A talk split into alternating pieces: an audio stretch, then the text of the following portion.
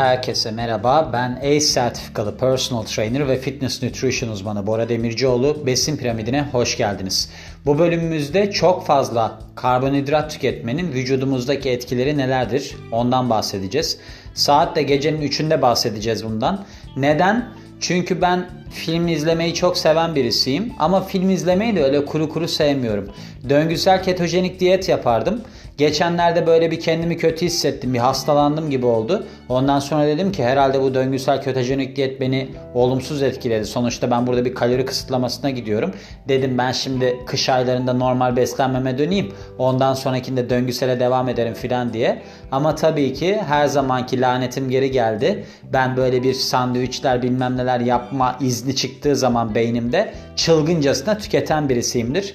Onun için de pek iyiye gitmiyor. Sabahlara kadar film izleyip oh çok güzel sandviçler falan yiyorum. Yerken de şunu düşündüm. Dedim ki bir yandan yiyorum bir yandan da kaloriyi sayıyorum. 300 grama denk geldi totalde aldığım karbonhidrat. Lifini düştüğüm zaman 250'ye geldi.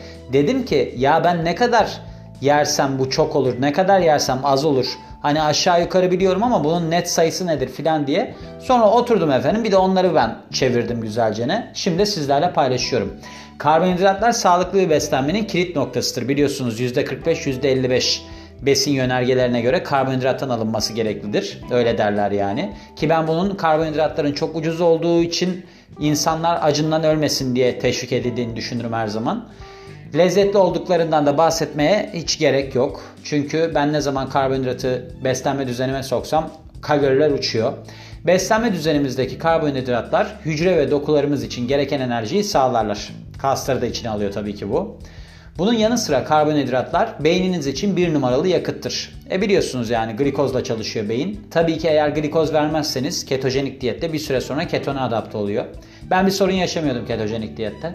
Ancak karbonhidrat tüketimi önemli olmakla beraber çok fazla tüketilmesi şekil 1A ben kısa süreli rahatsızlıklardan uzun süreli kronik hastalıklara varan sağlık problemlerine yol açabilir. Şu an kısa süreli rahatsızlıktayım zannedersem.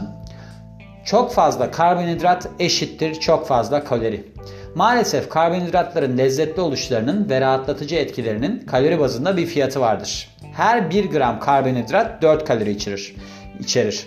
Yani protein de 4 kalori biliyorsunuz. Alkol 7 kalori ve yağ 9 kalori. Buradan kısaca bunu da söylemiş olayım. Sizin favori besinlerinizin bazılarında yüksek gramda karbonhidrat bulunmaktadır ki bu da yüzlerce kalori anlamına gelebilir. Örnek olarak 100 gram bu patates püresi var ya o 237 kalori. Tam buğdaylı makarna 212 kaloridir ki buna ekleyeceğiniz soslar dahil değildir. Yağ da dahil değildir. Uçar yani bunların kalorileri. Ama tatları çok güzel. Karbonhidratlar aslında tam anlamıyla kötü değillerdir. Size aktif bir hayat sürebilmeniz için gereken enerjiyi sağlarlar. Ancak çok fazla karbonhidrat tüketimi kilo alımına sebep olur. Çünkü vücudunuz ekstra enerjiyi yağ olarak depolar. Yapmanız gereken karbonhidratları tamamen hayatınızdan çıkarmak yerine kontrollü porsiyonlar tüketmektir. Ne güzel de yazmışsın. Acaba bunu yazan kendisi yapabiliyor mu? Ace'den çevirdim bunu bu arada. Ben de çok güzel yazıyorum çünkü özellikle ketojenik diyetteyken ey o, o günlere selam olsun ne diyeyim. Bir iki hafta önceydi ama olsun yine de selam bir gönderelim. Fazla karbonhidratın kan şekeri üzerindeki etkisi. Çok fazla karbonhidrat tüketmek kan şekeri seviyelerinde olumsuz bir etki yaratabilir. Normalde kan şekeri hücrelerinize enerji sağlamaktadır. Dokularınız şekeri kan dolaşımından alarak aktif bir hayat sürebilmeniz için gereken enerjiye dönüştürürler.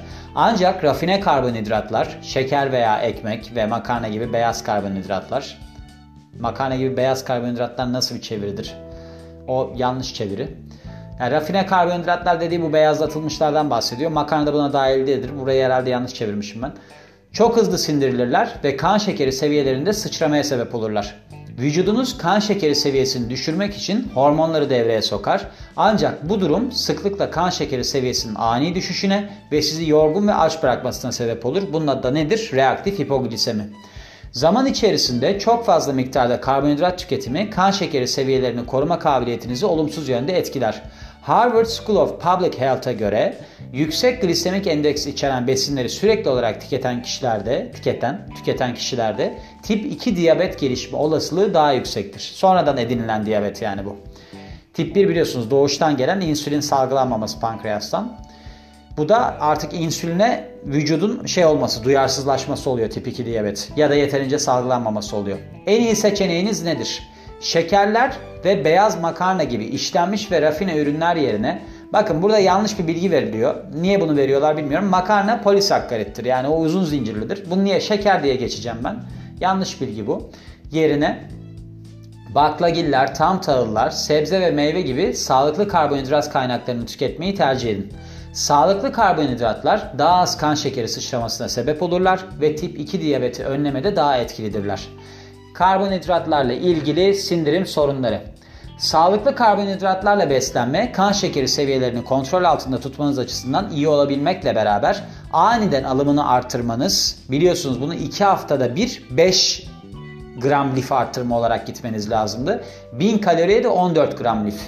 Size bir takım sindirim sorunları yaşatır aniden yükseltirseniz lif alımını. Sağlıklı karbonhidrat kaynakları diyet liflerle doldururlar ve sindirilemeyen karbonhidratlar kan şekerini kontrol altında tutmanıza ve tok hissetmenize yardımcı olurlar. Lif aynı zamanda sindirimde kilit rol oynar çünkü dışkıyı yumuşatır ve çıkışını rahatlatarak kabızlığı önler. Ancak şunu unutmayın ki çok fazla iyi şey her zaman iyi değildir. Eğer ki çok hızlı bir şekilde ve yüksek miktarda lif alırsanız dışkınızın aşırı yumuşaması ve böylece ishal olma riskiyle karşı karşıya kalabilirsiniz. Aniden lif alımınızı artırmanız aynı zamanda şişkinlik ve gaza da sebep olabilir. Ve ironik bir şekilde çok fazla yüksek miktarda lif almak yeterli su tüketmemeniz durumunda dışkınızın kuruyarak kabızlığa yol açması da sebep olabilir. Evet bu da olur.